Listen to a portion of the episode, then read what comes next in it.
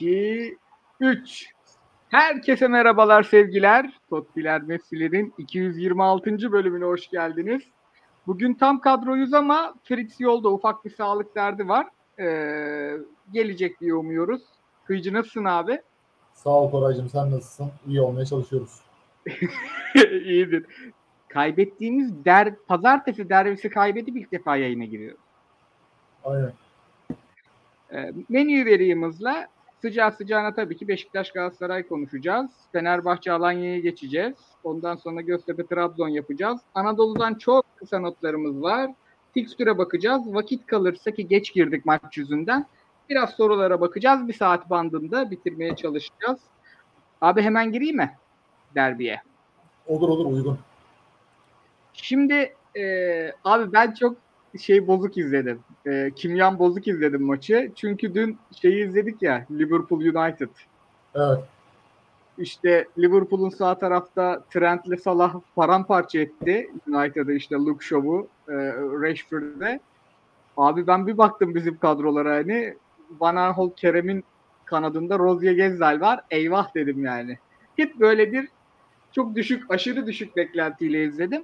Galatasaray bence fena bir denge oyunu oynamadı. Çok kişisel hata yaptılar. Beşiktaş da fena bir reaksiyon maçı oynamadı. Kötü gidiyordu. Yani iki takımın taraftarı da çok karalar bağlamıyordur ama o penaltı kaçmasaydı tabii çok daha mutlu olurduk. Ben hani iyi sinyaller görüyorum ama bu takımın biraz daha toplu oynayabilmesi gerekiyor orta sahada. Biraz çok topu kırıyoruz gibi sen ne diyorsun? Yani bu maç üzerinde herhalde e, Süper Lig'i takip eden herkesin aklına gelen ilk şey yani Beşiktaş'ın oyun planını bildiği için e, Şampiyonlar Ligi'ndeki Dortmund ve Sporting Lisbon maçlarına çok hızlı giren bir Beşiktaş vardı. Aynı şekilde bir 15-20 dakikalık baskıyı e, yüksek tutacak bir Beşiktaş'ı bekliyordu Galatasaray'a karşı. E, Galatasaray da zaten oyun planında ona göre derinde savunma, e, akabinde kenar oyuncularının işte bireysel yetenekleriyle işte Morutan ve Kerem'in hızlı oyun yani hep zorlandığı şey Galatasaray'ın malum set oyunu. İşte set oyunu biraz set oyunu biraz kontrol oyun şeklinde kurgulamıştı. Ee, tabii bunu e, Beşiktaş beklendiği gibi çok hızlı başladı. İşte Larin'in sol kenar destek forvet, Batshuayi'nin dağıtıcılığı ve Gezler'in e, oyun kurucu kanat pozisyonundaki girişiyle. Tabii arkada da Batshuayi'nin arkasında destek at- atak oyuncusu Alex Teixeira vardı. Yani Galatasaray'ı bu dörtlü ilk 15-20 dakika bayağı sıkıştırdı. Orada da e, pek top yapma şansımız olmadı. Zaten Galatasaray orta sahasını hep eleştirdiğimiz konu işte Taylan, Berkan, Çikaldao bu üçlünün e, dar alanda çok değil geniş alan oyuncusu e, portföyünde olması ve e, hani çok baskı yediği anda bir tane oyuncu profili yok bunlarda. Hani beyler sakin tamam top yapalım biraz işte nefes alalım gibi bir e, oyuncu maestro oyuncu şey olmadığından dolayı profili olmadığından dolayı Galatasaray 25. dakikaya kadar zorlandı. Ardından da e, ilk böyle ciddi tehditkar atak diyebileceğimiz Kerem Aktürkoğlu'nun e, nefis getirişi ve Çikaldao'nun köşeye bırakışıyla öne geçti. Tabii ki e, Beşiktaş golden sonra hemen reaksiyon verdi. 4 dakika sonra Larin'le yine arka direkte topu tamamladı. Galatasaray'ın yediği iki golde benim eleştirim şu. Yani temel eleştirim bu maç üzerinde bu. Yani bu Beşiktaş'ta kornerlerde, duran toplarda, akan oyunda arka direkteki golü atabilecek adam potansiyelli oyuncusu bir numarada Sahil Larin var. Yani Larin'in oradaki varlığını nasıl bu kadar durduğu yer belli olan adama nasıl bu kadar e, basiretsiz yani nasıl bu kadar savunmada zaaf veriyoruz anlayamıyorum. Zaten golü de ikinci golde de aynı şekilde gelişti. Oyuncu değişikliklerin hemen akabinde Larin'in arka direkte e, orada da bence Yedlin'in hatası var golüyle meydana geldi. Birinci golde de direkt ben Muslera'ya yazıyorum. Sen ne düşünüyorsun? Kesin Muslera. Yani aslında oyunu belirleyen faktörlerde kaleciler yoktur. Ama skoru kesin kaleci farkı belirledi. Biri penaltı çıkardı. Diğeri de attıktan 3-4 dakika sonra golü yedirdi. %100 katılıyorum. Yani orada Nelson'a bırak diyor mesela. Alacak gibi yapıyor. Hani Nelson zaten orada kesinlikle bırakmaz. Adama yapışır bir şekilde. Nelson da Muslera'ya güvendi. Ama çok komik bir gol yedik yine yani. Klasik Galatasaray'ın yiyeceği gollerden birini yedik. Bana kalırsa bu maç üzerinde hani dediğin gibi beraberlik iyi olurdu. Hani rakibine senin yukarına atmazdı. En azından 18 puan e, 18 puanda kalırdı. Sen de 18 puan olurdun. Şimdi bir şekilde e, Beşiktaş 3. sıraya yerleşti. Tabii puanlar çok birbirine yakın. Galatasaray 8. durumda. Lider Trabzonspor'dan 7 puan geride ama yani böyle deplasmanlardan bozulmadan çıkmak önemli yani. Trabzon maçında da aynı şey geçerliydi. 2-0'dan 2-2 oldu ama bir şekilde Galatasaray orada bozulmamıştı. Hani burada da eğer e, Mustafa Muhammed penaltıyı gole çevirse belki ikinci yarıda birinci yarı oranla daha kötü oynadığı bir maçta istediğini alarak dönecekti. Lokomotiv Moskova maçından sonra olmadı. E, ben Galatasaray adına çok kısa şunları söyleyeyim. Galatasaray'ın set oyununda acil çözüme ulaştırması gerektiği diye Fatih Hoca da zaten bunu belirtmişti. Ama e, ben takımın bu yönde set oyununa karşı bir alt metin plan yaptığını göremiyorum. Yani biz ortada bu kadar ezilmememiz lazım. Bu kadar topu verip de haldır buldur koş koş geri alalım bir daha topu verelim. Bu bizi çok efor harcatıyor. Yani bugün Berkan'ın vasat üstü olması, Taylan'ın kötü olması, Çikaldağ'ın e, ilk yarıda gol dışında hiç olmaması, ikinci yarı biraz kıpırdanması, Morutan'ın sağ çizgide 60 dakika vasat performansı. Yani bu kadar handikaplı olunca da haliyle maçı ancak beraberlikle bitirebilirsin. Bizim kafa kazanmamız gereken iç saha maçları ve deplasman maçları olacak yine. Bunu mutlaka düzeltmemiz lazım diye düşünüyorum. Zaten haftalardır bunu konuşuyoruz. Kişisel performanslara gelince de ben Nelson e, biraz çıkaldı o. Biraz da ya daha çok da Kerem'in e, Galatasaray adına etkili isimler olduğunu düşünüyorum. Gerisi jogging yaptı yani. Ben Nelson Marka ikilisini çok beğendim abi. E, Çikaldao da bayağı iyiydi. Onun dışında hani Kerem de e, fena top oynamadı. Ama hayal kırıklarım bir Cagne, e, iki de Evet. şey. Yani hem Taylan bir de iki beki birlikte yazıyorum. Bu arada Beşiktaş özellikle sağ bekimizin arkasında çok iyi çalışmış ya. Yani Larin oraya girmediğinde de Teşeira güzel girdi. Aynen. Yani orayı Beşiktaş gerçekten hazırlanmış. Rozier falan sezonu açtı ya resmen. Evet. Evet. E, Beşiktaş'ta da beğendiklerim benim Vida'yı çok beğendim. Biraz e, hakem de izin verdi sertliğe ama e, Evet. Cagney'i döndürmemeleri, oynatmamaları yani çok sert bir oyun oynadı. Çok iyi oynadı. Ersin'i e, beğeneceğiz herhalde. Kaleye gelen ilk top gol oldu ama harika bir vuruştu Çikaldağ'ınki. O penaltıyı kurtarmak işte maçı bir yerden alıp bir yerden verebiliyor. Kalecinin de özelliği bu. Aldı yani. Joseph de öyle abi. Çok sertlikle sindirdi yani bizimkileri. Evet. Joseph de aşırı iyiydi. Bak ben onu yazmamıştım. Ama abi ben yine hayran hayran Miralem Pjanic'i izledim ya. Yani herif, e, bu arada fizik olarak çok hazır değil gibi duruyor ama yani mesela Beşiktaş baskı yediği zaman e, gerçekten sahaya atıp o kartı oynayabiliyorsun. Olağanüstü top oynadı. Ben yani bir de Galatasaray- şunu gösterdi hani eşleşme karşılıklı oynayınca daha iyi anlıyorsun abi. Mesela Berkan, Taylan topu hep kırıyorlar. Hani sen kırıyor tabirini çok kullanırsın ya. Hı hı. Topu hep kırıyorlar yani. Topu bu kadar kırmayacaksınız abi. Ya dikine oynayacaksınız ya da siz geniş alanda oynuyorsanız eğer bu kadar dar, dar alana girip de orada kendi yaşam şansınızı bitirtmeyeceksiniz Joseph de Souza'ya. Yani burada kenar teknik heyetin de bir zaafı var. Biz oyunu hiç iki taraflı da genişletemedik farkındaysan. Genişlettiğimiz Evet. anlarda da pozisyon oldu zaten. Evet. bir- Yani Beşiktaş'ın istediği şekilde oynamaya çalıştık. Evet abi. Çünkü o çok güzel bir yere geldin. Ben onu hiç notlara da almamıştım ama direkt gözümün önünde canlandı. Galatasaray ne zaman e, sağa sola oyunu açsa Beşiktaş koşmak zorunda kaldı. Bir de Beşiktaş'ın bir hastalığı var bu sene. Atibasızlıktan biraz, biraz tempolu oyuncu sayısının azalmasından muhtemelen. E, biraz Josef de yaşlandı. Beşiktaş'ı geriye koşturduğun zaman Beşiktaş önde basamamaya başlıyor. Yani bunu Başakşehir maçında falan da fark ettik. E, e, Lisbon da göz önüne serdi. Lisbon bir de üçlü oynadığı için iki bekini çok rahat çıkarabiliyordu çizgilerden. E, biz onu Kerem'le işte biraz e, Moruta'nın tehdidiyle biraz Cagney'in kanatları açılmasıyla yapmaya çalıştık. Bekler zaten ikinci yarı mesela Van Aanholt bunun için çok çıktı. Yani Evet. Galatasaray'ın ikinci yarı iyi gözükmesinin sebeplerinden biri buydu. Ama burada işte Beşiktaş'a da kredi vermek lazım. Çünkü topu kaptırdıkları yerde biliyorlar çok fazla. Yani 120 kilometre koşamayacağını biliyor Beşiktaş. Pjanic'i Berkan'dan çok koşturamayacağını biliyor.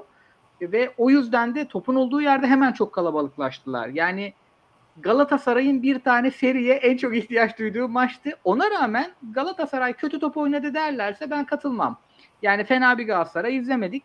Ee, Lokomotiv maçından kötü de değildi Galatasaray bence. Marsilya maçından kötü de değildi ama ya bu oyunlar abi kişisel hatayı az yapacağın oyunlar. Özellikle derbiler. İşte Muslera yani 5 dakika değil 10 dakika dayanabilseydi Galatasaray örnek veriyorum o golden sonra ya da devreyi bitirebilseydi o zaman Beşiktaş'ı koşturabilecekti bence. Çünkü e, penaltıya doğru yani ikinci yarı fena top oynamadı Galatasaray. E, olsun ama yani ben dediğim gibi ben çok bozuk psikolojiyle izledim Liverpool United maçına bakınca.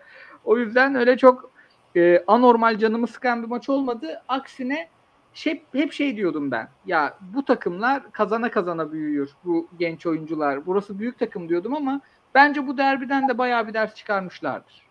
Ya ben mesela şunu görmek isterdim. Bak ben kafamdaki maçı oynamadan önce hep şunu düşünüyordum. Beşiktaş Umut Meraş muhtemel 11'de diyorlardı. Morutan Umut Meraş da acaba kaç kere karşı karşıya kalır? Hani dört kere kalırsa o bir kere geçişte veya iki kere geçişte e, Santrafor'a, Cagne veya Muhammed'e yerden pasını çıkartır mı? Veya üç kere geçtiği zaman. Bir kere bir kere kaldı. Teke tek geçti onu da. Farkındaysan pozisyon oldu. Evet. Bak biz Morutan'ı hiç asimetrik oyunda oyuna dahil edemedik. Üstelik Larin gidiyor gelmiyor. Larin gelmedi bugün. Mesela onu evet abi. Gerekti. Yani burada bir Galatasaray'ın aslında avantajı vardı. Bunu değerlendiremedik. Üstüne bir de Larin'den iki tane kopi gol yedik. İkincisi evet. Raşit Gezel sezona kötü girdi. Formsuz. Biz orada e, Kerem'in varlığıyla beraber işte Rozier'in çok çıkışlarına karşı Van Aanholt'la Kerem Aktürkoğlu'nu önüne arkada oynattık. İlk yarıda hiç kullanamadık. Hatırlarsan bir pozisyonda hoca çizgiyi de açtı çıldırdı yani pas hatasına. Hani Van Aanholt'a neden merkeze oynamıyorsun da topu e, çok çok kenarda oynamaya çalıştı Van Aanholt. Çok dar alan bölgede kaptırdık. Oradan tekrardan pozisyon yedik. Öyle bir refleks verdi. Yani biz domino taşı gibi bir hata yapıyoruz. Peşinden onu kapatmaya çalışıyoruz. Koş koş koş koş. Geri dön koş. Yani topu kaptırdığımız zaman abi biz topu kaptırdığımız zaman yani direkt rakibe attığımız zaman mutlaka bir ekstradan iki kişi daha efor sarf ediyor. Bu defa da kendi oyunumuzu ne set oyun oynayabiliyoruz ne kontrol oynayabiliyoruz. Hiçbir şey oynayamıyoruz. İlk yarıda zaten bundan kötü gözüktük. İlk yarıda abi. biraz dengelendi. Biraz dengelendi. Bu defa da o kadar kopuktu ki yani arkadaki dörtlü, onun önündeki üçlü, özellikle Taylan'ın çok kötü performansı. Taylan'ın kötü performansı Berkan da kötüyken zaten hiç çekilmiyor. Hani Taylan kötü, Berkan iyiyse bir şekilde Berkan içte falan top kapma, işte koşu mesafelerinin yüksekliği falan onu kapatıyordu. Bu defa ikisi de kötüydü. Katılıyorum. Yani ama aslında ilk defa şunu gördük. Galatasaray e, çok erken döndü 4-4-2'ye. Maç berabereyken döndü. Yani oyuna Halil girdi, Taylan çıktı öyle yedik golü. O duran topta yedik. Evet. Konya maçında Orada da, öyle başlamıştı. bence de. E, kesin. Kesin. Yani arka direkte e, ölümcül günah. Abi biz bu set oyunu eksikliğini sanırım e, yani 60'tan sonra Galatasaray kazanmaya e, çıktı. O 4-4-2 4-2-3-1 varyantıyla Taylan aldı, Halil girdi. Biz sanki o set oyununu forveti ikileyerek çözeceğiz. 11-12 gibi geliyor bana. Biraz daha riskli bir versiyonuyla. Zaten Normalde bu kadar erken o. atmaz çünkü sahaya. Tabii yani bence elinde Halil varsa yani iki tane 9 numaram var. Bir değişmeli oynuyorlar. Biri 60 dakika, biri 30 dakika veya 20 dakika. Hani Halil gibi bir oyuncu varsa ortalığı karıştırabilecek, e, atak oyuncusuna destek olabilecek denenebilir. Çünkü farkındaysan Morutan da sağ çizgide memnun değil yani. Bir tek gösteri maçında iş yaptı bireysel becerisiyle. Kayboluyor çünkü. Evet ee, bir de şey şu avantajı var Galatasaray'ın e, forvetin arkasında oynattığı 3 oyuncu da atlet. Halil de evet. atlet, uzun bacak, Kerem de atlet, Morutan da, e, Mustafa Muhammed de, e, Cagne de. Dolayısıyla Morutan'ı sen sağa atsan bile o istediği yerde gezebiliyor. Çünkü Halil zaten genelde kanatlarda da almayı seviyor topu. Dolayısıyla hani böyle bir e, ki 2-1'den sonra da bir penaltı var. iki net pozisyon var. E, şey güzel yani o 4-4-2 varyantında hemen 60'ta devreye sokulup çalışması güzel. Bence Dediğim Babel gibi. konusunda da bir şey var ya. Babel, Hoca Babel'i 64'te aldı mesela. 10 dakika daha bekleyip de Morutan bir 10 dakika e, ters kanata falan geçme Kerem'le öyle bir şey deneyebilirdi veya Babel yerine Barış Alper Yılmaz'ı koyabilirdi diye düşünüyorum. Ben de abi. Yani Çünkü Rozier çok geliyordu farkındaysan o ara. Gol de zaten evet. kornerden Rozier'in tarafından geldi yani. Yani heh, Fritz Bey de geldi. Bu maçı atletizmle çözerdik gibi geliyor bana ama e, hoca biraz daha hani Babel'i alayım topu tutayımla e, çözme yolunu seçti ama bence dediğim gibi en baştan hocanın şeyi planı bu Vida Vida'nın oyun bozdu ya. Cagney hiç tutamadı önde. Ya bir de abi hani sen bir şekilde 35 dakika bir oyun e, performansında golle neticelensen bile kalecin eğer orada öyle bir hata yapıyorsa zaten hele ki Muslera gibi büyük tecrübe topu işte sen bırak ben tutacağım ben tutacağım sen git falan olmuyor yani. 1-1 olduktan sonra zaten orada da, e, takımın gardı düştü yani. Çünkü skoru koruyamadı abi Galatasaray. Eğer devreye öyle girseydi belki başka bir senaryo izleyecektik ama olmadı. Tabii tabii. Yani aslında şu net. Galatasaray'ın denk güçlerle oy, o denk rakiplerle oynadığı maçlarda çok sorun olmaz. 2-1 yenilir, 3-1 kazanır. Avrupa Ligi'ndeki gibi gider iş. Ee, esas aslında bizim e, derdimiz Galatasaray'ın bu sene 8 şu an 8. olmasının sebebi e, içeride oynayacağı Antep maçı. E, yani o aslında önemli. Çünkü ondan sonra bir lokomotif maçı daha var. E, Karagümrük'te topu seven bir takım. Sonra içeride Fener var. Ondan sonra Marsilya var. Galatasaray böyle sert maçları oynamayı seven bir İşte takım oldu zaten. Benim bir endişem Filiz'e sözü bırakmadan hemen söyleyeyim. Galatasaray'ın bir oyun standartının set oyununda olmaması, Fatih Hoca'nın tespiti yaptığı halde tedaviyi hala uygulamaya koymaması. Çünkü sen derbide tamam belki Pjanic ve Josef'e yenildin. Senin orta sahadaki 3 oyuncu da Taylan, Berkan, Çikaldao, Souza ve Pjanic'e karşı mahkum kaldı. Böyle gözüktü doğru. Ama sen geçen haftada neredeyse %25'e %75 Konya Spor'a mahkum oynadın.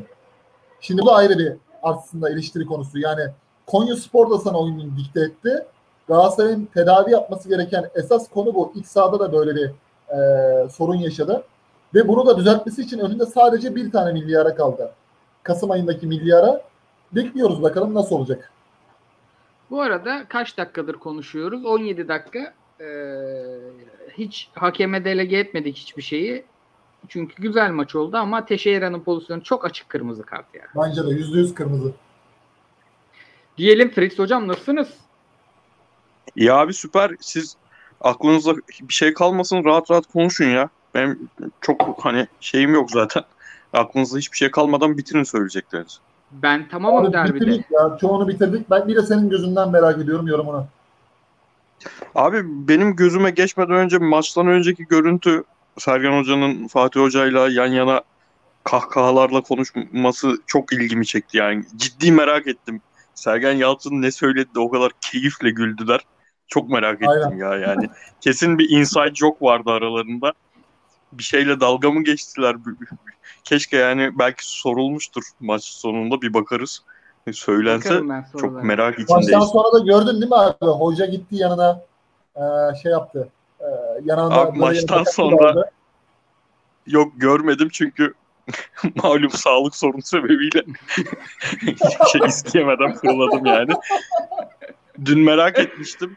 Erman Hoca niye geç geliyor diye şimdi anlamış oldum. Bu yüzden o da bu yüzden geç geliyor büyük ihtimalle programlara. Ee, o, geçeyim mi maça ben kendi Geç abi. Buyurun. şeyimi? Abi maç benim için aslında iki taraflı bir tarafı yani sadece bu Galatasaray'ın iki senedir oynadığı futbolu falan düşünmeden bu sene olan hiçbir şeyi düşünmeden tek başına bu maça bakınca muhtemelen hani ses tonlarınızdan anladım dinleyemedim ne söylediğiniz ama siz de öylesiniz. Hani tek bir maç özelinde çok bir Beşiktaş deplasmanı, bir derbi deplasmanı anlamında Galatasaray tarafında hani çok umutsuz olacak bir şey olmayan bir maçtı yani. Tabii ki keyif almadık. iyi bir maç olmadı. İki taraf için de iyi bir maç olmadı ama Galatasaray'ın çünkü bu kadrosuna şimdi abi kadroları karşı karşıya koyduğun zaman karşı 11'e bir bakıyorsun. Pjanic var. Yani anlatmaya gerek yok kariyerini, oynadığı takımları. Başşuay var.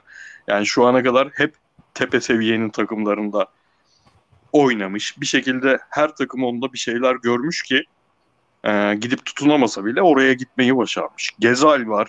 E, İngiltere'nin tarihinin en sürpriz şampiyonunun ama nihayetinde şampiyonunun en iyi futbolcusunun yerine koyduğu adam bir dönem için. E, Joseph var bu ligin gerçekten en büyük papazlarından biri falan.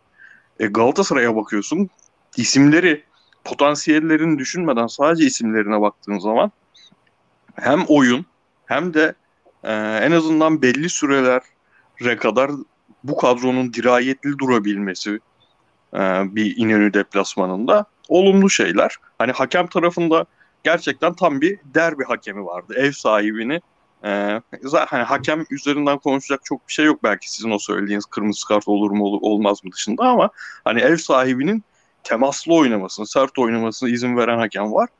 Abi takım isimlerini geç. Sahada saydığım Beşiktaşlı futbolcu kariyerleri olunca zaten bir hakemin öbür takıma daha toleranslı olması çok doğal. E böyle de bir handikapı vardı bu kadronun. Bu anlamda tamam. Ama bu belli maçlarda tercih edilen oyun, hocanın artık Avrupa'da tercih ettiği, belli ki büyük maçlarda da tercih edeceği bu oyun. Ee, Cagney'e uzun dikelime dönmeye başladığında benim için burada sıkıntı başlıyor. Ben bu takımdan şampiyonluk bekleyen ligin sonuna kadar ilk ikinin ilk üçün içinde olsun isteyen bir insan değilim. Ama o yapının kurulduğunu görmek bir isteyen bir insanım ve buradan bir yapı kurulacağını düşünmüyorum abi ben. Yani e, evet belli maçlarda tercih edilmeli. Hani gördük çok net bir örneğini gördük hafta içi bu oyunun. E, neden duruma göre mantıklı oyun olacağını. Ama buradan bir yapı kurulması zor görünüyor bana. Ve hani bazı oyuncuları da çok isteyen çağıran bir oyun. Mesela çok takıntı yaptık biliyorum. Belki siz de söylemişsinizdir. Emre Kılınç böyle bir maçta en azından 30 dakika oynamalı bence abi. Yani abi, Tweet'te attım başta maç devre arasında bunu aynen. Abi biz mi çok takıntı yaptık Emre'yi? Hani bir de sürekli bir, birbirimizle futbol konuştuğumuz için birbirimizi etkiliyor muyuz bilmiyorum da. Abi bak yani inanamıyorum. O... Neden inanamıyorum? Oyun orta sahada iç oyuncusu performansı istiyor. Sen gelmeden önce konuşuyorduk. Berkan'ın bu kadar vasat olması, Taylan'ın bu kadar Hı-hı. kötü olması üstüne. Ki sen Emre Kılıç'la geçen sene Emre Kılıç'ın alver yaptığı bir pozisyonla Mustafa Muhammed'le Kadıköy'de maç kazandın. Emre evet. Kılıç'ın bir 25 dakika oynaması, iç oynaması kötü oynar, iyi oynar. Ama tercih olarak düşünülmesi elzemdi bence bu maç. Çünkü hem Taylan hem Berkan kötüydü. Abi hafta içi çok net örneğini gördük bunun. Bir tane gol attın, bir tane aynı pozisyondan o geçen sene Kadıköy maçındaki Emre Kılınç pozisyonunun aynılarını Morutan'la yaptın ama ne Morutan e, hani Morutan pası veren adam olabilir ama ne de Kerem o tip koşuları düzenli yapabilen bir oyuncu değil. Bu kadar derinde bekleyip topu bu kadar bıraktığın zaman en ihtiyacın olan şeylerden biri ve onu göremedik. Beşiktaş tarafında da şu var ha bir de şey var mesela. Tamam Morutan gerçekten kötüydü. Morutsan diyelim artık demeye alıştıralım kendimizi de. Morutsan kötüydü. Ama Teçeriye de çok kötüydü çünkü Teçeriye gerçekten hiç hazır değil fizik olarak. Morutan da hem fizik olarak hem de e, oynadığı takımın e, hangi bölgesinin hangi rolünde oynayacağı henüz netleşmemiş bir oyuncu olarak e, inişli çıkışlı oynuyor. Ama abi Teçerya 82-83 dakika sahada kalıyorsa bence Morussan da kalabilmeli. Çünkü işte golü yedin. Çünkü Morussan dar alanda da oynayan, oynayan bir oyuncu. Yani belki kadronun içinde dar alanda en etkili olabilecek oyuncu. Ve bir şekilde maç boyu yapmadığın şeyi yapmak zorundasın.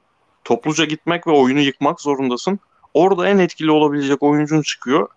E, Tekereyan'ın sahada kalması o zaman öbür taraf için mantıksız e, olacak ama bence mantıksız değildi yani. Çünkü bu ligi kazanacaksa Ser, Sergen Yalçın bu sene çünkü geçen seneki gibi yapısı üzerinden değil isimler üzerinden e, giden bir takım yaratmak zorunda kaldı.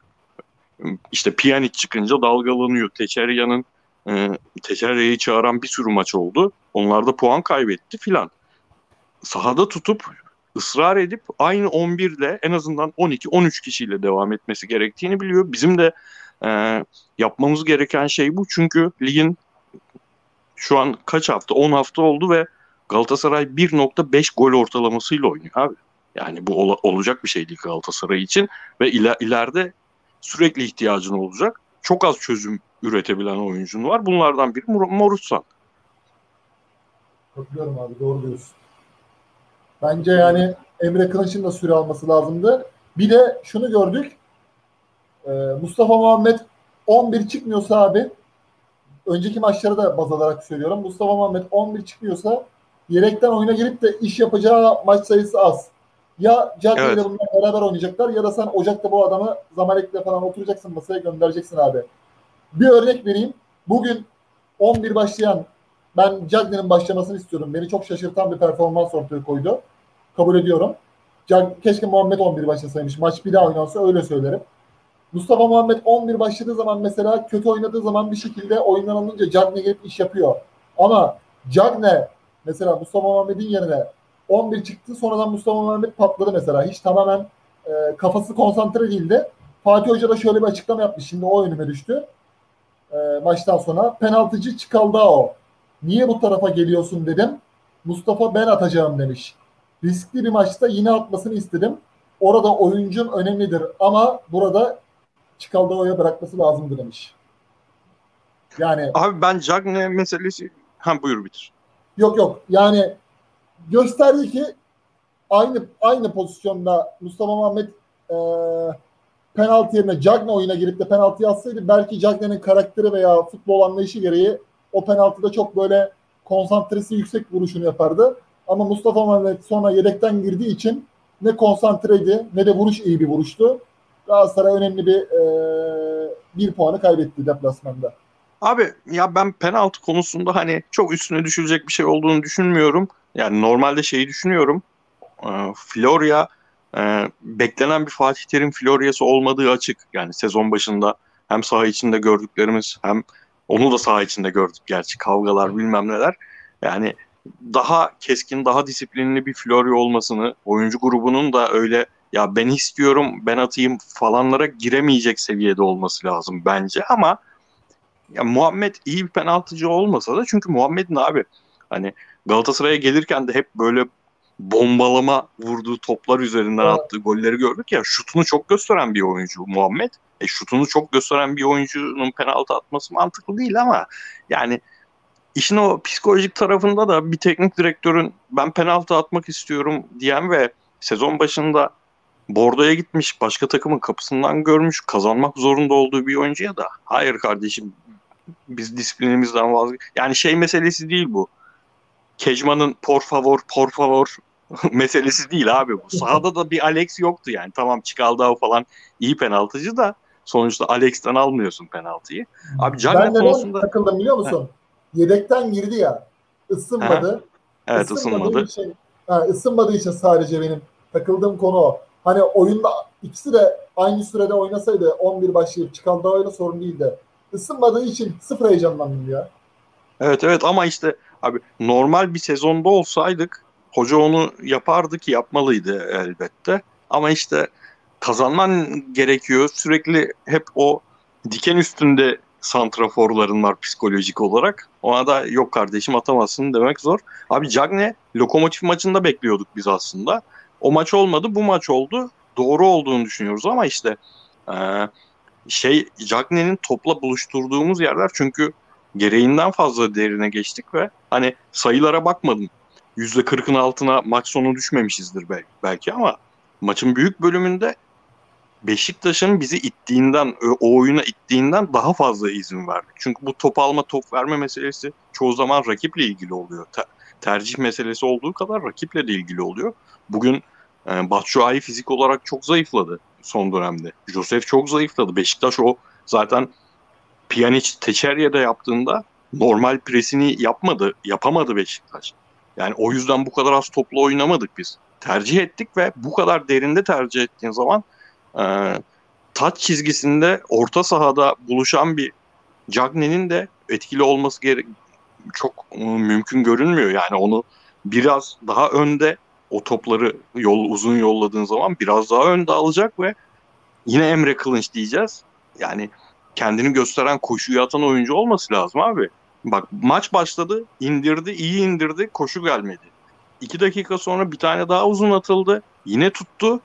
Bekledi. Cagne iki saniyeden fazla top ayağında kaldığında geçmiş olsun. Opsiyon çıkması lazım. Opsiyon çıkmıyor abi bu oyun tercih ettiğinde. Yani pas opsiyonu çıkmadığı zaman da o oyuncunun bir anlamı kalmıyor.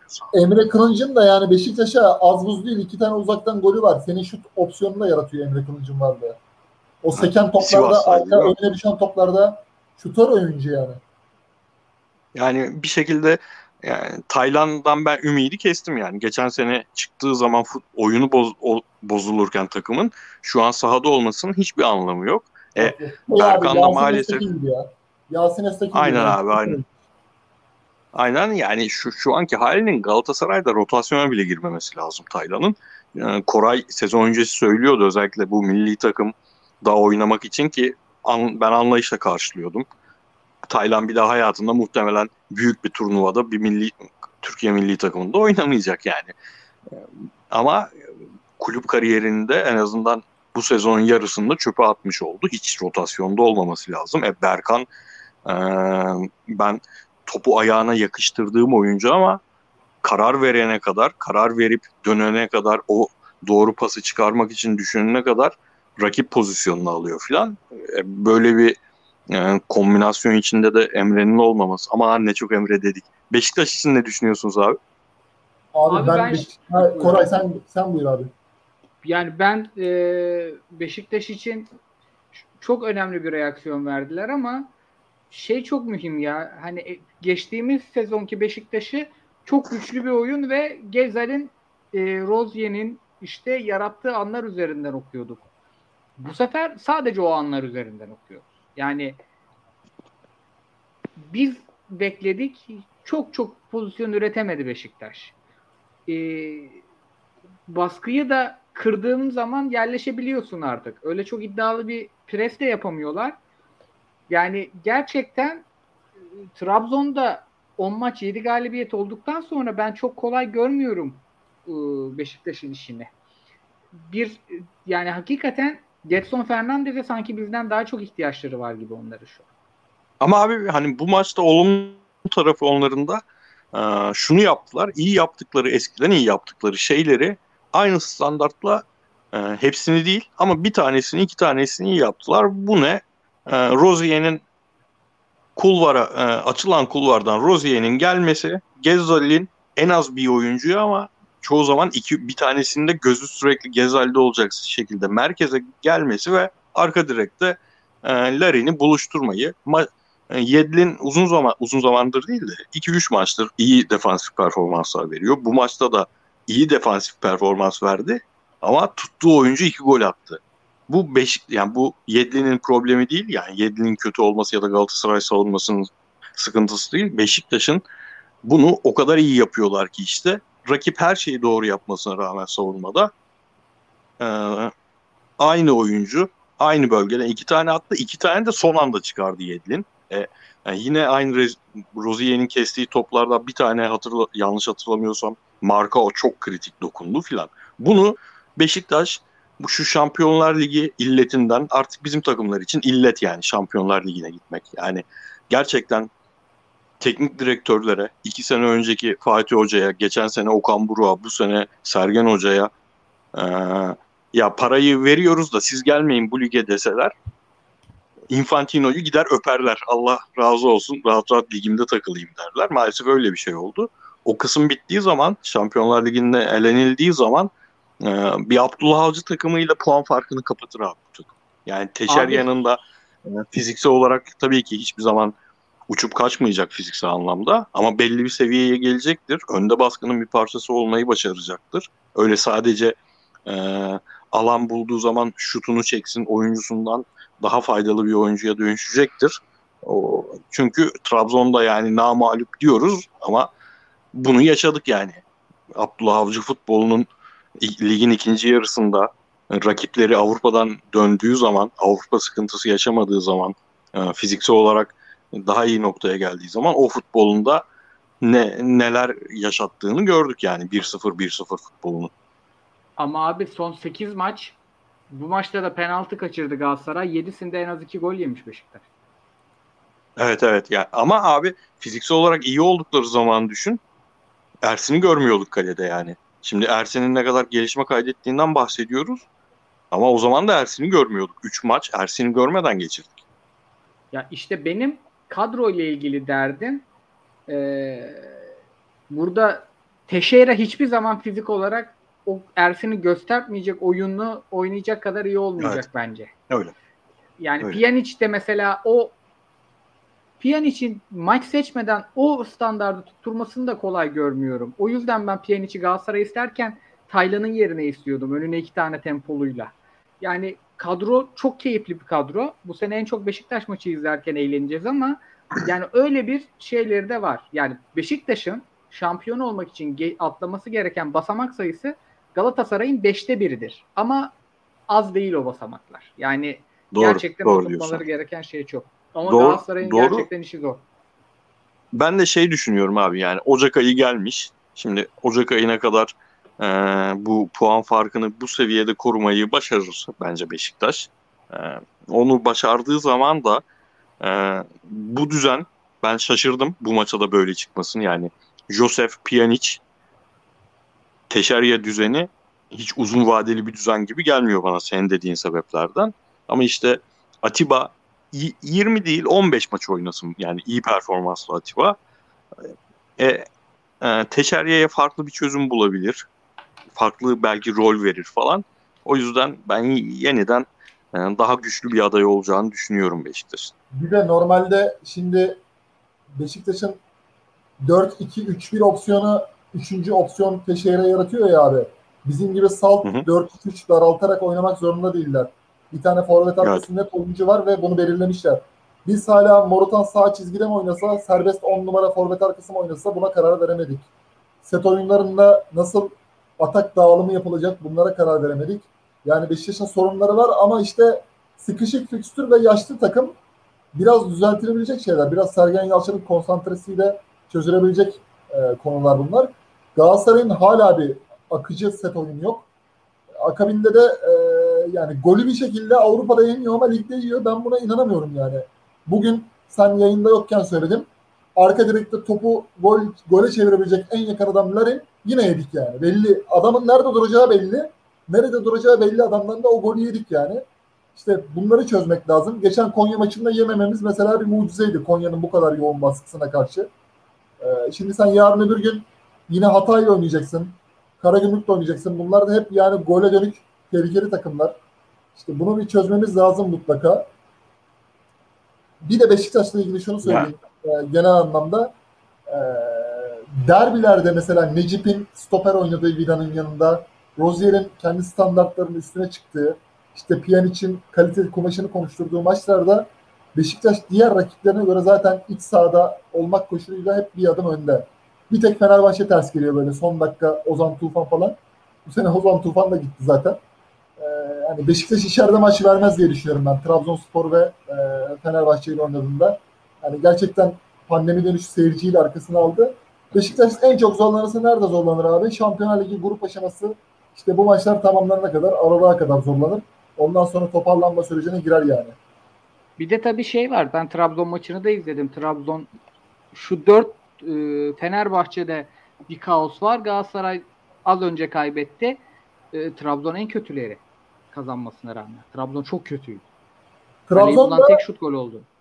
Abdullah Avcı'nın kurmuş olduğu sistem yani Başakşehir'deki gibi sistem takımının kaymağını yiyor yani. Kötü oynasa bile kazanıyordu ya Başakşehir'de bir dönem. Şimdilik biraz yelkenlerini dolduruyor işte. Yani kötü oynadığı maçlarda bile Göztepe maçı mesela kötü oynadılar ama kazanmayı bildiler. İşte bazen onu da yapmak lazım. O yönden iyi. Ama ben genel anlamda abi Galatasaray'ın oyun olarak e, diziliş değişikliğinin şart olduğunu düşünüyorum. Ya. Yani bugün gördük hani bazı oyuncular tercih edilmiyor. Emre Kılınç, işte üzeri çizilen Sofyan Feguli haklı olarak. Bazı oyunculardan ısrarla ısrarla vazgeçmiyoruz. Van Aanholt gibi. Ömer Bayram bak 12 dakika oynadı. Bence Van Aanholt'tan iyi oynadı. Oyuna girdi, aldı, verdi, bildirdi. içeri kesmeye çalıştı. Bu adam yerli kontenjanında da seni rahatlatıyor. Biraz Van Aanholt'un dinlenmesi lazım bence. Yani dinlenmesi gerekenler dinlenmiyor. Sahaya atılması gerekenler de Türkiye Ligi'nde kullanılmıyor. Yani hocamdan ben Avrupa UEFA Avrupa Ligi'ndeki konsantrasyonu biraz daha ligere yansıtmasını bekliyorum. Özellikle böyle kafa maçlarda. Diyelim Fener'e geçelim mi? Tabii. Olur. 39 dakika olmuş abi. Akıyor saat ya. İnanılmaz. Ya hiç daha var ya soracağım soru vardır derbiyle ilgili. Nasıl gidiyor muhabbet? Abi Fenerbahçe normalde yani o maçı ligin ilk haftasında oynasa maç sonu alkışlanır. İşte bu takım bu sene seve seve şampiyon denir. Sağlık olsun denir. Ondan sonra işte e, dağılınır evlere. Ama işte megafonlar bilmem neler işte Antwerp maçında gelmeyen reaksiyon taraftarı doldurdular doldurdular ve taraftar Pereira istifa demedi.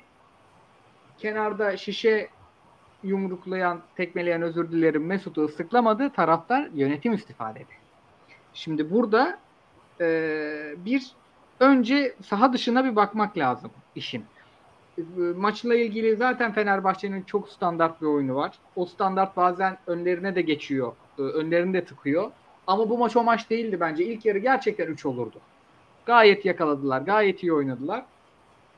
Ama e, değişikliklerle özellikle konuşuruz. Ben Kıyıcı'ya şunu soracağım. Ya sen demiştin Antwerp sonucu Sparta Prag'la oyna şeyle Alanya ile oynama ne gerek var bu açıklamalara bu megafonlara falan demiştin. Birebir yönetimin kendisine döndü iş. Sen ne diyorsun? Yani Ali Koç'un biz sezona girişte bu defa işi öğrendi diyorduk yani. iki buçuk yıllık başkanlık süresi sonrasında. Hakikaten Vitor Pereira'yı getirmesi, Emre Berezoğlu, Volkan Demirel, Caner Erkin gibi taraftar nezdinde tartışılan isimlerle bir kısmının istediği bir kısmının istemediği isimlerle yollarını ayırması. Ama şimdi ben bakıyorum mesela başkana abi bu kadar kameraya gözükmeye çalışan bir başkana gerek var mı Türk futbol profilinde yani bu inanamıyorum ya çıkıp mesela teknik taktik falan konuşuyor. Koşu Yani- mesafesi konuşuyor Fenerbahçe. Yani mesela 15 dakika iyi oynadık. 25. dakikada şu oldu. Bunlara gerek var mı yani? Bugün sen sen de gelmene gerek yok yani. Bir tane profesyonel futbol şube sorumlusu varsa o gelir veya basın sözcüsü gelir. Yani bugün işte kenar oyuncuları biraz daha becerikli olsaydı, şu mesela biraz daha oyunda derli toplu olsaydı ya başkanım bunlara gerek yok arkadaşlar. Önümüzde daha çok süreç var. Fenerbahçe bugün 5 puan geridedir ama iyi bir teknik direktörü var. Biz bu puan farkını kapatacak kuvvetteyiz dersin geçersin abi. Sen kalkıp da soru alayım diye yani podcast mi çekiyorsun abi? 35 dakika basın mensuplarıyla toplantı yapıyor ya maçtan çıkınca. Abi abi spor ya Önder Özen'i izleyeceğim.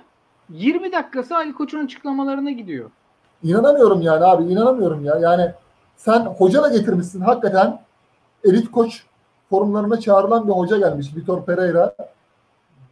Bu işleri yapması için ona e, imkan da tanıdın ama az ama eksik ama çok. Bırak çekil başkan yani. Arkada sen görünürde olma yani. Sen görünürde olduğun müddetçe ya Rize'de yukarıdan aşağı atıyorsun kendini ya Galatasaray maçından sonra biriyle kavga ediyorsun iki sene önce ya taraftar işte istifa dediği zaman kabak gibi hedefte oluyorsun yani. Zaten senin güçlü bir yönetimin yok eski Aziz Yıldırım dönemindeki gibi. Aziz Yıldırım bir şekilde bu işleri yürütüyordu yani. Aziz Yıldırım kendi çıkıp konuştuğunda da bir şekilde üstünü kapatırdı yani. İçeriden ya para prim verirdi ya bir şey aşılardı ya bir konuşma yapardı topçulara. E senin için Aziz Yıldırım gibi topçuları kamçılayacak bir karizman da yok bence. Yani yabancı futbolcu banka hesabındaki euroya bakar abi. Çıkıp da moral motivasyon konuşmasıyla bakmaz yani. Sen bunu kişisel hayat hikayeni işte iyi yönettiğin şirketleri falan anlatabileceğin yerlerde konuş bence. Futbola hiç bulaşma. Ne oluyor ondan sonra? Sen bek oyuncusu almıyorsun bu takıma. Adam Ferdi'yi devşiriyor. Bir şekilde Alanya'ya karşı 3 tane 2 tane ilk yarıda atacak pozisyonu da buluyor. Yakalıyor bu fırsatı yakalıyor. Gole dönmüyor, yeniliyor. Ama insanlar da bir defa diyor ki başkan bize o, gördüğü oyuncu kalitesine bak. Kenarda Nazım Sangare oynuyor sağ çizgide. Solda devşirme Ferdi oynuyor. Yönetim istifa diye bağırıyor. Katılıyorum abi. Katılıyorum. Yani kendi kendilerine gerdiler ve Fenerbahçe en sakin gitmesi gereken camia aslında. Fritz'e de şeyi soracağım. Şimdi Pereira ile ilgili birçok övdüğümüz şey var. Aslında eee totale baktığımız zaman Fatih Terim'den çok çok iyi bir performansı yok. Eee iki puan sadece önde. Eee, daha az transfer harcaması katiyen yoktur. Eee, Avrupa'da daha kötü. Ligde de 2 puan daha iyi. Ama iki takımın da eleştir iki tarafta da eleştirilen yönler var. Biri çıkardıklarıyla eleştiriliyor, diğeri de oyunu aldıklarıyla. Vitor Pereira'nın Crespo'yu oyuna almak için 5 oyuncunun birden mevkisinin değişmesi ve oyunun oradan gitmesi çok en- enteresan geldi bana. Yani biraz bunun bir ismi yoktur ama bu değişikliklerde biraz e, fazla mı oynanıyor takımda? Yani Abi Ferdi solda öttürürken birden sağa geçti ve kayboldu çocuk mesela. Ben soruyu Sesim geliyor ama- mu diye soracaksın. Ya geliyor geliyor. yani geliyor durmuyorum. Yok geliyor yani devam edeceğim diye bekledim öyle bir. Yok, yok Eski abi. günlerimizi hatıra, hatırlatan bir es vermiş olalım. Evet. Abi zaten değişikliklere kadar oyunun hiçbir problemi yoktu. Yani problemleri vardı tabii ki. Vitor Pereira takımının üretim tarafında işin her zaman problemleri olacak. Bunu hiç göstermedi bize o anlamda da geliştiğini. Olacak ama gayet e, istediği zaman demeyeyim, istediği zaman yapabilse hep girer ama yani kö- çok kötü bir Alanya vardı bir kere. E, Buna Alanya'yı izliyoruz. Alanya e, kendi stilinin çok dışında bir teknik direktör değiştirdi ve e, buradan düşüş gelir. Buradan yani hayırlı bir şey çıkması zor diye düşünürken e, Bülent Hoca da ta Erciyes döneminden beri benim gördüğüm en iyi hocalık performansını sergiliyordu. Çünkü geldiği gibi hemen e, bir Galatasaray maçı hariç bu zamana kadar kendi oyun felsefesini dayatmadı takıma. E, takımın kadrosuna uygun, sadece kadrosuna uygun değil, 5 senedir kurduğu e, kimliğe uygun e, bir oyunu seçti. Ama bu maçta eski günlerine döndü ve o Antalya'da hani sizin bana katılmadığınız ama sizin çok başarılı bulduğunuz benim de kadronun iyi olduğunu düşündüğüm çok daha iyi oynamasının gerektiğini düşündüğüm bir dönem vardı ya. O Hı hı. ben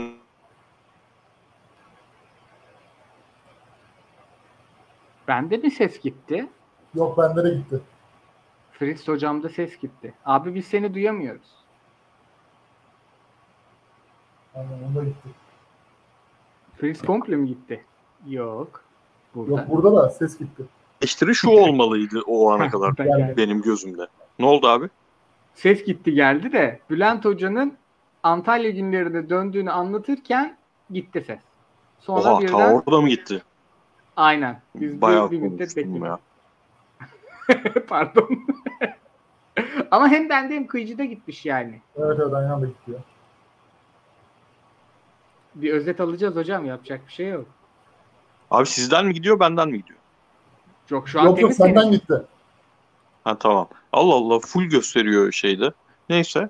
Abi ya çok buna iten de bir şey vardı. Fenerbahçe futbolu vardı. Kaç defa ceza sahasında son pası doğru verseler e, golü yapabilecekleri pozisyonuna girdiler ben hatırlamıyorum. Yani net pozisyon olarak görünmüyor muhtemelen onlar ama gerçekten doğru kararı verse o andaki futbolcu top, son topla buluşan futbolcu çok daha fazla bir şey çıkardı orada.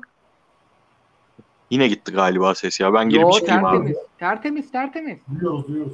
Ha tamam. Tamam. O ana kadar tek eleştirilebilecek şey Vitor Pereira anlamında e, özellikle sakatlar falan düzeldikten sonra ön tarafta kullandığı oyuncular. Bunu eleştiril, eleştirilebilir. Çoğuna da katılırım ben muhtemelen. Çünkü Pelkas e, işte Teçerya'da konuştuğumuz şey Pelkas'ta da var abi. Teçer, e, Pelkas şu an hiç hazır değil bu takımda 11 çıkmaya. Geçen seneki halinde olsa bu maçı Fenerbahçe zaten böyle 55'te 3-0 yapmıştı bunlar eleştirilebilir. Ama sürekli bunu konuşacağız bu sezon maalesef. Ben dün özellikle izledim abi bak bu kadar dörtlüye dönülsün yangını yapanlar ki ben şey de değilim yani. Bir kadro neyi iste- istiyorsa gerçekten o oynansın denen bir insanım. Üçlü oynansın, beşli oynansın, dörtlü oynansın. Çok ilgimi çeken şeyler değil yani. Kadro istiyorsa her şey oynanır. İ- ısrar eden teknik direktör de kendini yakar yani en fazla. Ama neden dörtlü oynamalıyı söyleyen bir tane insan görmedim abi. Dörtlüye dönüldüğünde Tisserand ve e, Salah'ı daha iyi mi oynayacak? Dörtlüye dönüldüğünde Ferdi sol beklik mi yapacak? Nazım dörtlüde daha iyi bir sağ bek mi? Bundan Nazım o zaman bu saçma sapan ortalar yerine e, Santrafor'un ağzına pas mı verecek? Dörtlüye dönüldüğü zaman e, Mesut Özil bir anda 4 senedir futbolu unutmuş halini bırakıp gerçekten e, world class futbolcu olduğunu mu hatırlayacak? Nedir yani? Dörtlü dönülsün evet. Yani dönülmesin diye itiraz edilecek bir şey yok. Ama açıklayın abi neden dörtlüye dönülsün? Ama Bence- değişiklik kısmına gelirsek de artık değişiklik kısmına geldikten sonra rezalet teknik direktörlük ondan sonra. Rezalet ötesi teknik direktörlük yani. Geçen sene Hatay geçen sene miydi? Tabii geçen senenin başında bir Hatay maçı vardı ya. Mesela Antalya Alanya Alanya öyle bir futbol da oynamadı. O maçta Hatay şut çekememişti. Ama bugün hala o kadar oyuncu kaybettikten sonra Hatay'ın belli bir futbol oynamasını sağlayan şeyleri o maçta konu görmüştük ve burada konuşmuştuk. Fenerbahçeliler eleştiriyordu Hatay'ı. E, ulan şut çekemeyen takım mı olur böyle takımlarla oynayacaksak bu ligde hiç oynanmasın bu lig falan deniyordu. Ama orada bir şey ku- kuruyordu o adam görüyordun. Alanya öyle de bir futbol oynamıyorken öyle bir değişiklik yaptın ki aynı anda bir anda adamlar 3 tane gol atacak pozisyonu buldu ya. Aynen katılıyorum. Abi O şey ya, Gerçek. Biraz Bülent Korkmaz'ın oyunu şeye benziyor. Mustafa Denizli'nin Euro 2000 öncesi milli takımı çalıştırdığı bir dönem var ya böyle Hollanda ile Almanya ile falan oynuyorduk. 75 dakika savunuyorduk. Son 15 dakika gidip maçı alıp geliyorduk Bursa'dayken falan. Böyle 75 dakika Çanakkale geçilmez. Önce durdurup sonra vuracağız. Bülent Korkmaz sanki bundan biraz öykünmüş gibi takım kurmuş ama iyi takım kurmuş. Fizik gücü kapasitesi yüksek. Ee, bayağı da yukarıyı zorlayacak gibi görüyorum eğer bu şekildeki e, mantalitesi devam ederse. Abi ama umarım hem Galatasaray maçındaki oyun hem bu maçtaki oyun onu Antalya futboluna döndürmez ya. Yani Alanya'nın DNA'sı, DNA'sında çok oynamadan devam eder. Ha abi DNA demişken aslında biraz tribün tepkisinin ben ondan olduğunu düşünüyorum. Yani ben de şey yazmışım hatta üçlüyü beşliyi konuşuruz da Fenerbahçe taraftarını bu kadar oyuncularla nasıl memnun edeceğim? Yani hep şeyi konuştuk. Fenerbahçe kazanmak e, zorunda. 7 yıldır kazanamıyor. Taraftarın da yani en çok kazanmaya ihtiyacı olan camia. Yani Galatasaraylı hocanın bana kupa borcu yok rahat rahat diyebiliyor. Beşiktaşlı e, diyebiliyor Şampiyonlar Ligi senesi. E, Trabzonlu zaten ona göre takım kurdu. Yani ya kazanırız ya da sağlık olsun takımı kurdular. Ama Fenerbahçe öyle değil. Fenerbahçe'ninki bir histeriye dönmüş durumda. Bu histeriye uygun seçimler yapıldı. Vitor Pereira e, ufak liglerde başarıları olan bir teknik adam. Bizi bizim ligde yani e, kazanmaya uygun bir teknik adam aslında. Ama sonuçta abi bu Fenerbahçe'de Kadıköy'de bu maçı izleyen insanların da bir alışkanlığı var. Hani kulübün DNA'sı deyip me- metafizik bir şeye vuruyoruz ya.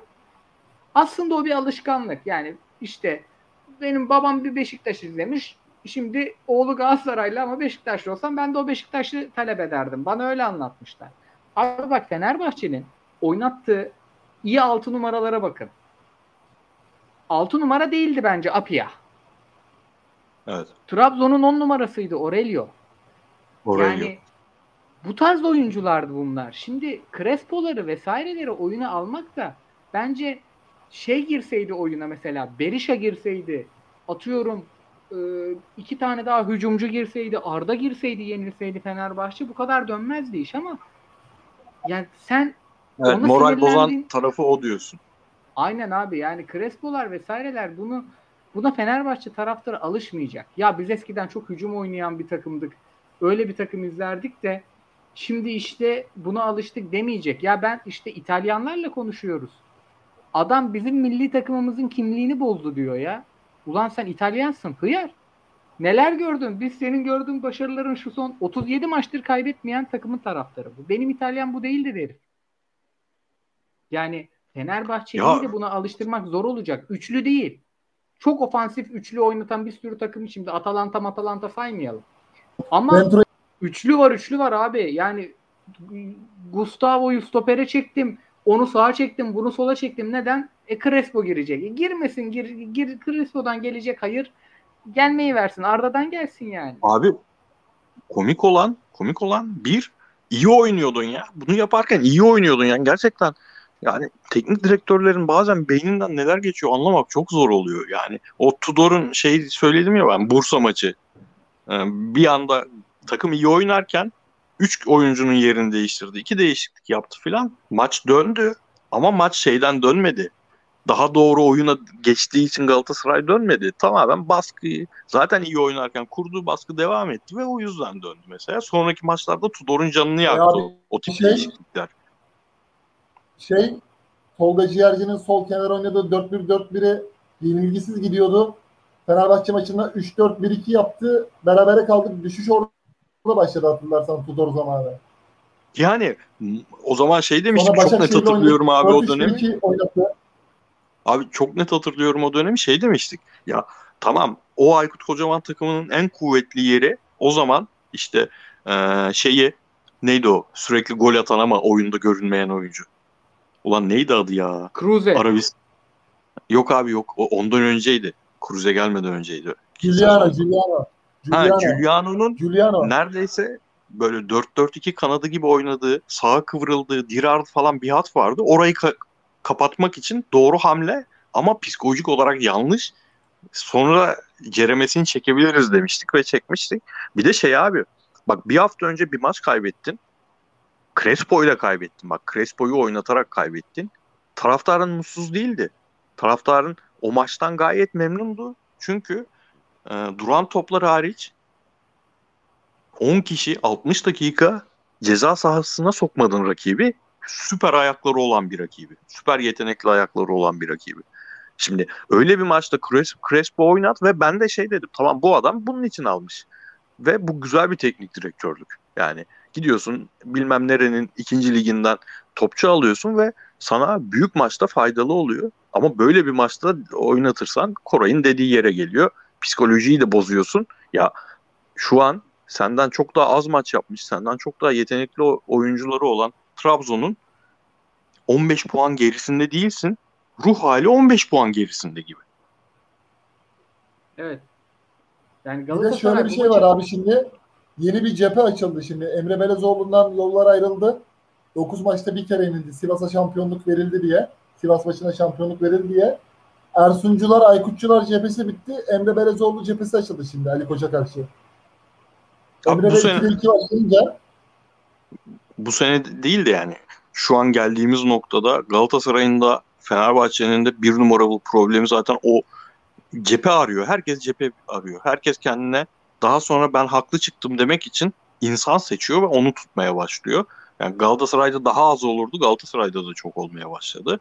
Ya abi yani bilmiyorum ya Fenerbahçe'nin bu 2018 sonrası hali 2014-2018 halini maalesef geçiyor o anlamda.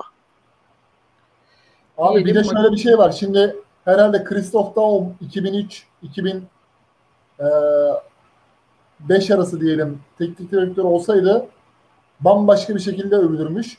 Şimdi adam ne yapsa Ali Koç'tan nefret edenler hocaya sarıldığı için bunu bu psikolojiyle anlayabiliyorum. Ali Koç'un artık makus talihini gördükten sonra hocadan bir şey umanlar başka bir şey açıyor şimdi hocaya karşı. Pereira'nın yaptığı doğrulara yüzde yüz e, yanlış bulanlar var. Yanlışlarında doğru bulanlar var. Kendi aralarında da gruplaşma var. Mesela Ener Valencia'nın oynaması, oynamaması, Mesut'un oynaması, oynamaması, işte Twitter'da Fenerlerin dolaşıma soktuğu vardır bir bildiği klipleri. Yani çok başka bir şeye döndü Fenerbahçe. Hani kendilerini her zaman bir ligin üstünde görme psikolojisi vardı Aziz Yıldırım dönemi Fenerbahçe'sinin 2004-2007 arası ve bunu hakikaten çok başarılı uyguluyorlardı. Bu iletişim stratejisinin geldiği nokta gerçekten Fenerbahçe adına endişe verici. Bak Galatasaray'dan abi, ligde 2-3 puan yukarıdalar abi ama hala bütün Fenerler eyvah diyor biz şampiyon olamayacağız. Evet. Abi şey dedim mesela Valencia dedin bir tekrar saha içine dönersek ki aslında Ali Koç'tan da çok bağımsız olmayan bir şey söyleyeceğim. Yani getireceğim sonra inşallah unutmazsam lafı oraya.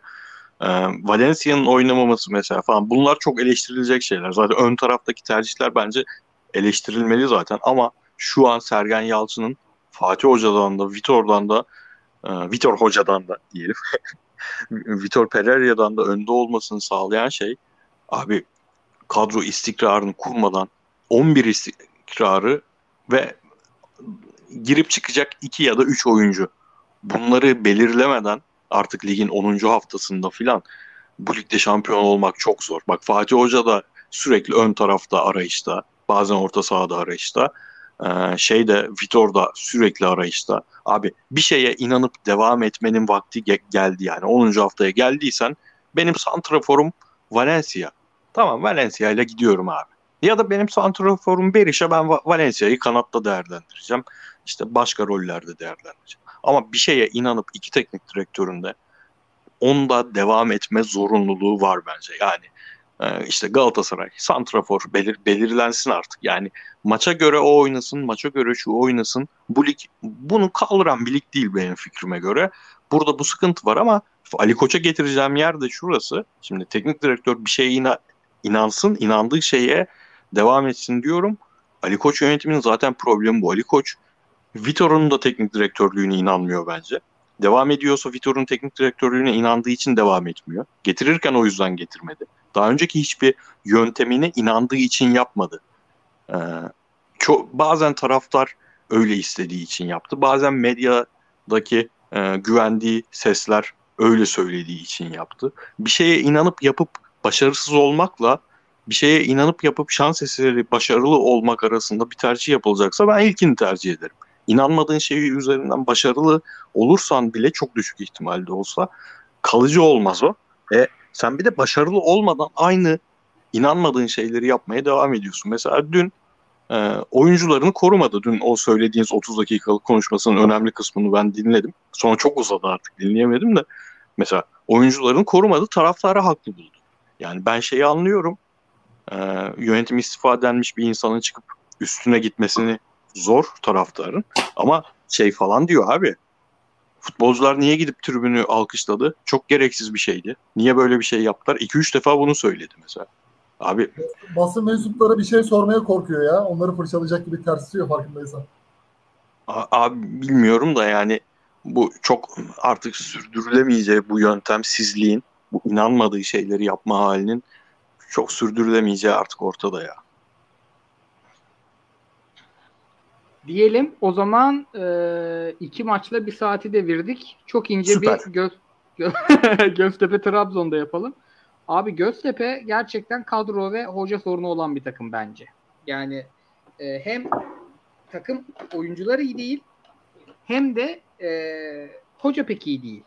Ama özellikle içeride olması maçın herhalde ve Göztepe'nin gerçekten çok kötü e, durumda olması puan durumunda. Şu an e, 18.ler 10 maçta 6 mağlubiyet var.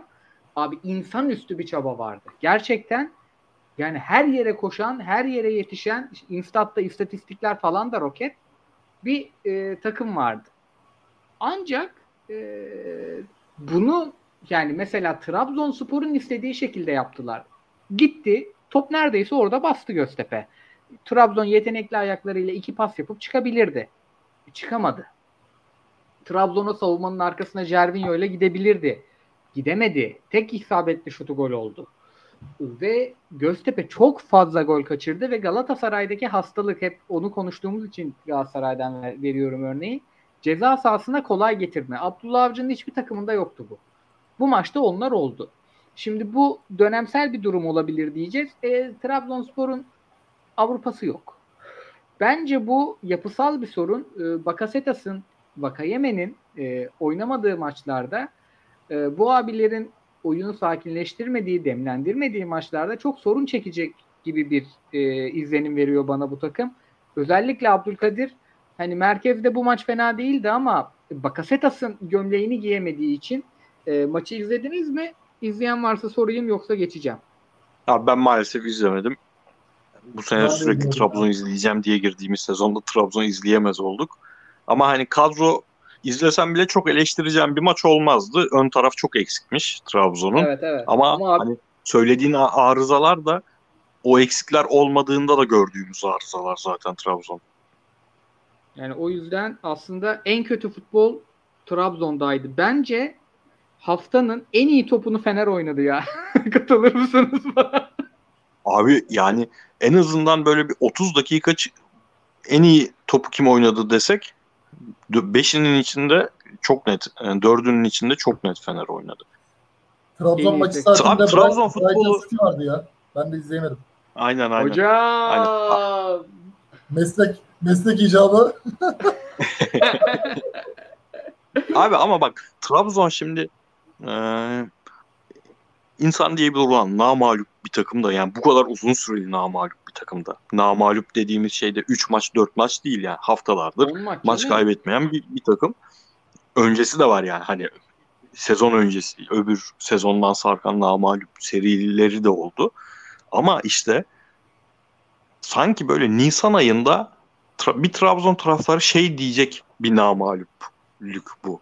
Ya kardeşim işte 9 defa berabere kalacağına o maçların 3 tanesini kazansaydın 5 tanesini kaybetseydik daha iyi olurdu. Şimdi matematiği hesaplayamadım ama anlaşılmıştır ne demek istediğim. Yani namalup olacağımızı bu kadar berabere kalmasaydık çünkü çok fazla 0-0 1-1 e, çağıran bir şey Abdullah Avcı'nın futbolu.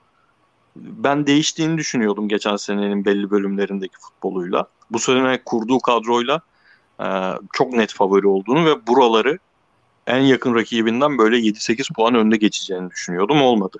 O yüzden ben olumsuzum Trabzonspor'a hala. Yani Bir de gerçekten Hani şey ya Abdullah Avcı biraz sistem adamı olduğu için Başakşehir'deki sistem inşasını düşünürsek Beşiktaş'ta bunu yapamadı mesela. Beşiktaş'a sudan çıkmış balığa döndü Beşiktaş'a geldiği zaman. Çünkü Beşiktaş'ta o geldiği zaman kaotik bir yapının içerisinde Fikret Orman paralar nerede muhabbetleri işte e, önceki sezon Şenol Güneş'ten sonra doğan boşluk.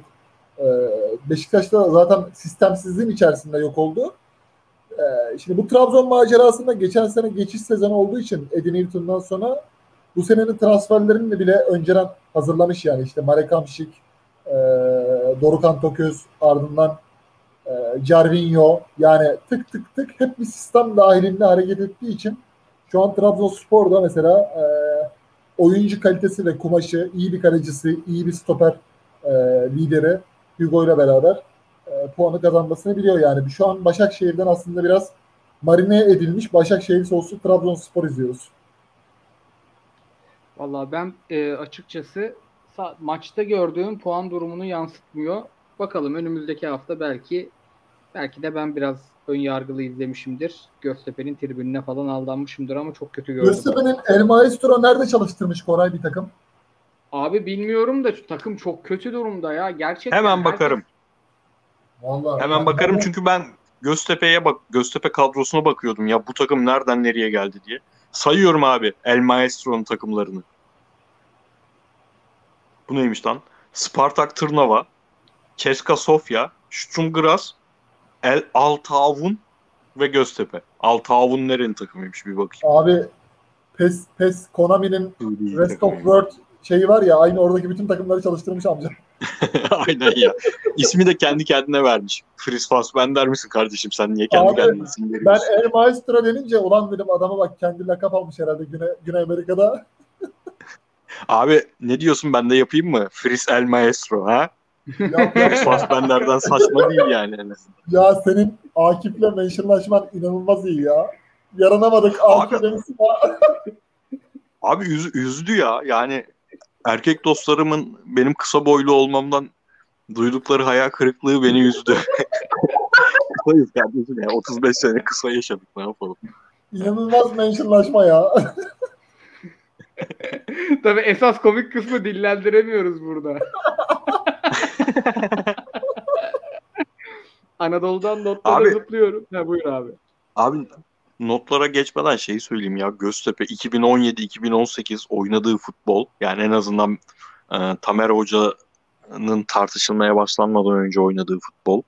Kadronun e, yine problem tarafları olsa da isim olarak kadronun kalitesi e, Mehmet Sepil sahiplik konusunda olumsuz bir negatif negatif bir ders veriyor yani. Kadro nereden nereye geldi ya? Abi Aynen hakikaten bayağı şey gibi Türk lirası dolar kur grafiği gibi oldu kadro. Abi Adis Yahovic'e zam vermedikleri gün bütün her şey ibre tersine döndü ya. Aynen abi sanki ondan sonra bir türlü yani santraforu zaten bulamadılar. Santrafor ararken her bölgeden delik Aynen. deşik oldular. Yani şey çok eski zamandan bahsetmiyoruz benim. Göztepe ilk beşe giremez dedim diye Göztepe'liden küfür yediğim zaman çok eski bir zaman değil. Vallahi zıplıyorum Göztepe'de demişken Anadolu'dan notlara. Abi Konya Kayseri'yi izledim. Konya makine. Yani Hikmet Hoca çalışmış kaydırmalı dörtlü falan anlattı maçtan önce de kurtarmadı yani. 10 dakikada çözdüler maçı.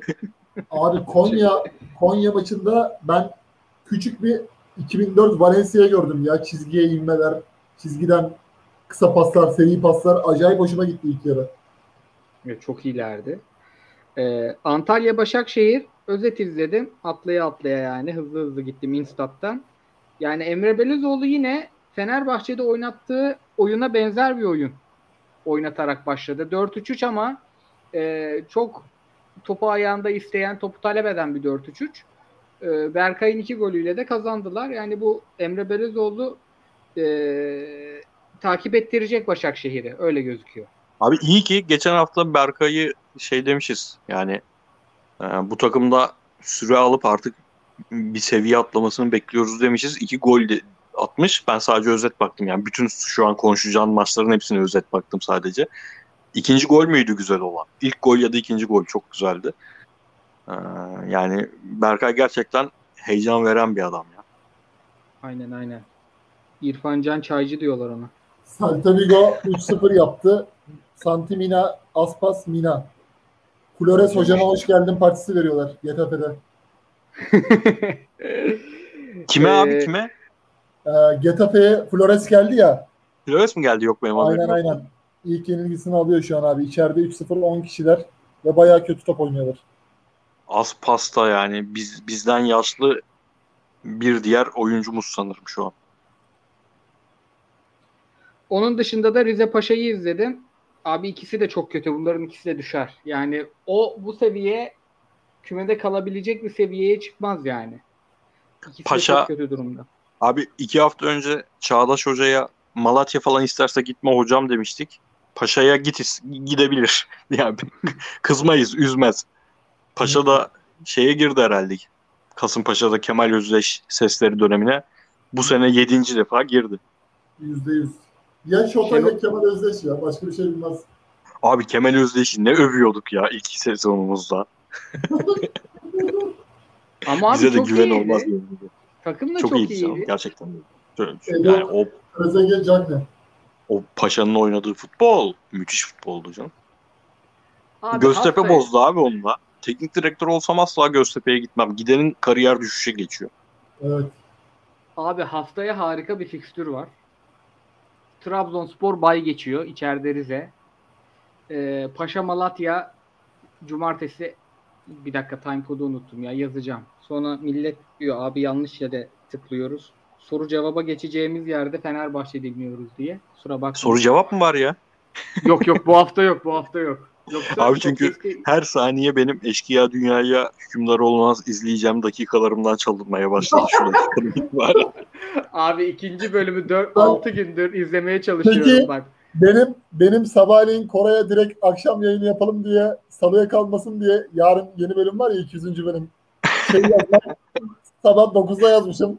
Aa doğru biz bu yayının or- yani hafta içi büyük maç olunca pazartesi normalde salı yapardık. Kıyıcı hocam valla çok uyanık adamsın. Abi yani arkadaşım sizi çok sevdiğimden izliyorum ben. Hani ama hala nesini sevdiğiniz ikinci bölümü dört gündür bitiremedim. Herhalde ileride açılıyor bu. İleride açılıyor ileride. İlk sezon Abi ya arkada aksın Koray ya dediğin gibi oyun oynarken falan aksın. Ha, şeyde sıkın, sakınca yok değil mi? Mesela şimdi bitecek yayın açacağım podcast'i. Ben podcast'ten sonra hemen uyuyamıyorum. Ee, okuyacağım kitapta kalın. Şimdi giremem. Dune'un başındayım. Şimdi bir yandan FIFA atacağım bir saat. Bir yandan yani izlemesem podcast gibi dinlesem de olur. Abi ne yap biliyor musun bak. Şimdi Kıyıcı Hoca'nın yanında Edo tavsiyesi vermek bana düşmez ama vereyim yine de. Abi bak Metres'in göründüğü sahneleri atla. O Aynen. kızın göründüğü sahneleri atla. O adını da unuttum. Neydi bilmiyorum. Yani hızlı hızlı atla oraları. Şunları kaçırma abi. Bir, evin kadınları mutfakta muhabbet ederken mübeccel falan geldiği zaman bunları kaçırma. İki, depoda konuşulan sahne geldiği zaman kaçırma. Üç, mas- büyük masada konuşulan sahneleri kaçırma. Geri kalan her şeyi atla gitsin abi. Aynen. Tamam. Büyük masayı Okey. kaçırma zaten. İşin güzel tarafı o. Tabii tabii masaya ma- zaten geldi. Bölüm sonlarında masaya geliyor, geliniyor. 20 dakika masa sürüyor. Oraları kaçırma. Yeter sana.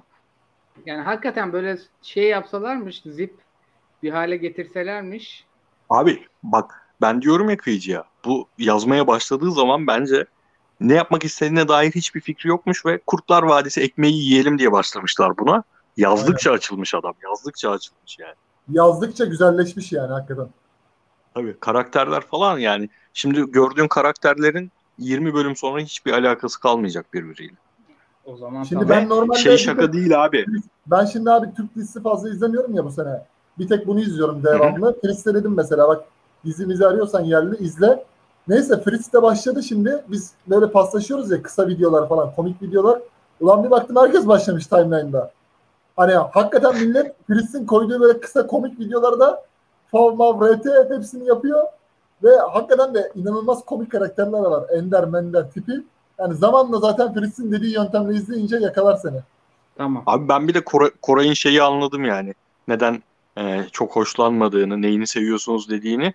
Bu ilk bölümler e, tempo mempodan ziyade gerçekten çok çocukça yazılmış bölümler. Yani diyaloglar bak diyaloglar bak bunu şakasız söylüyorum. Cidden böyle Amerikan Pokemon dizisi gibi. yani. Şu diyaloglar Amerikan dizisi e, mafya dizisi kalitesine geliyor. Cidden geliyor yani. Şimdi full aforizma gidiyorlar. Af- Aynen abi. Pokemon diziler gibi izliyorum ya. Çok şey ağır. Neyse abi fikstür çok güzel. Cuma 20 Trabzon Rize geçiyoruz. Cumartesi 13.30 Paşa Malatya. Yani şey meraklısına diyelim. abi cumartesi 16 Altay Sivas. Mustafa Denizli Rıza Çalınbay. Bu izlenir. Bunu Abi Mustafa Hoca Kasımpaşa işte Cagne Magne gittikten sonraki düşüş mü başladı? Çok mu erken başladı? Abi Abi muhtemelen çok tempo kasan bir takım. Yani fizikseldir ya. Mustafa Hoca 5-3-2'ye döndü ya abi.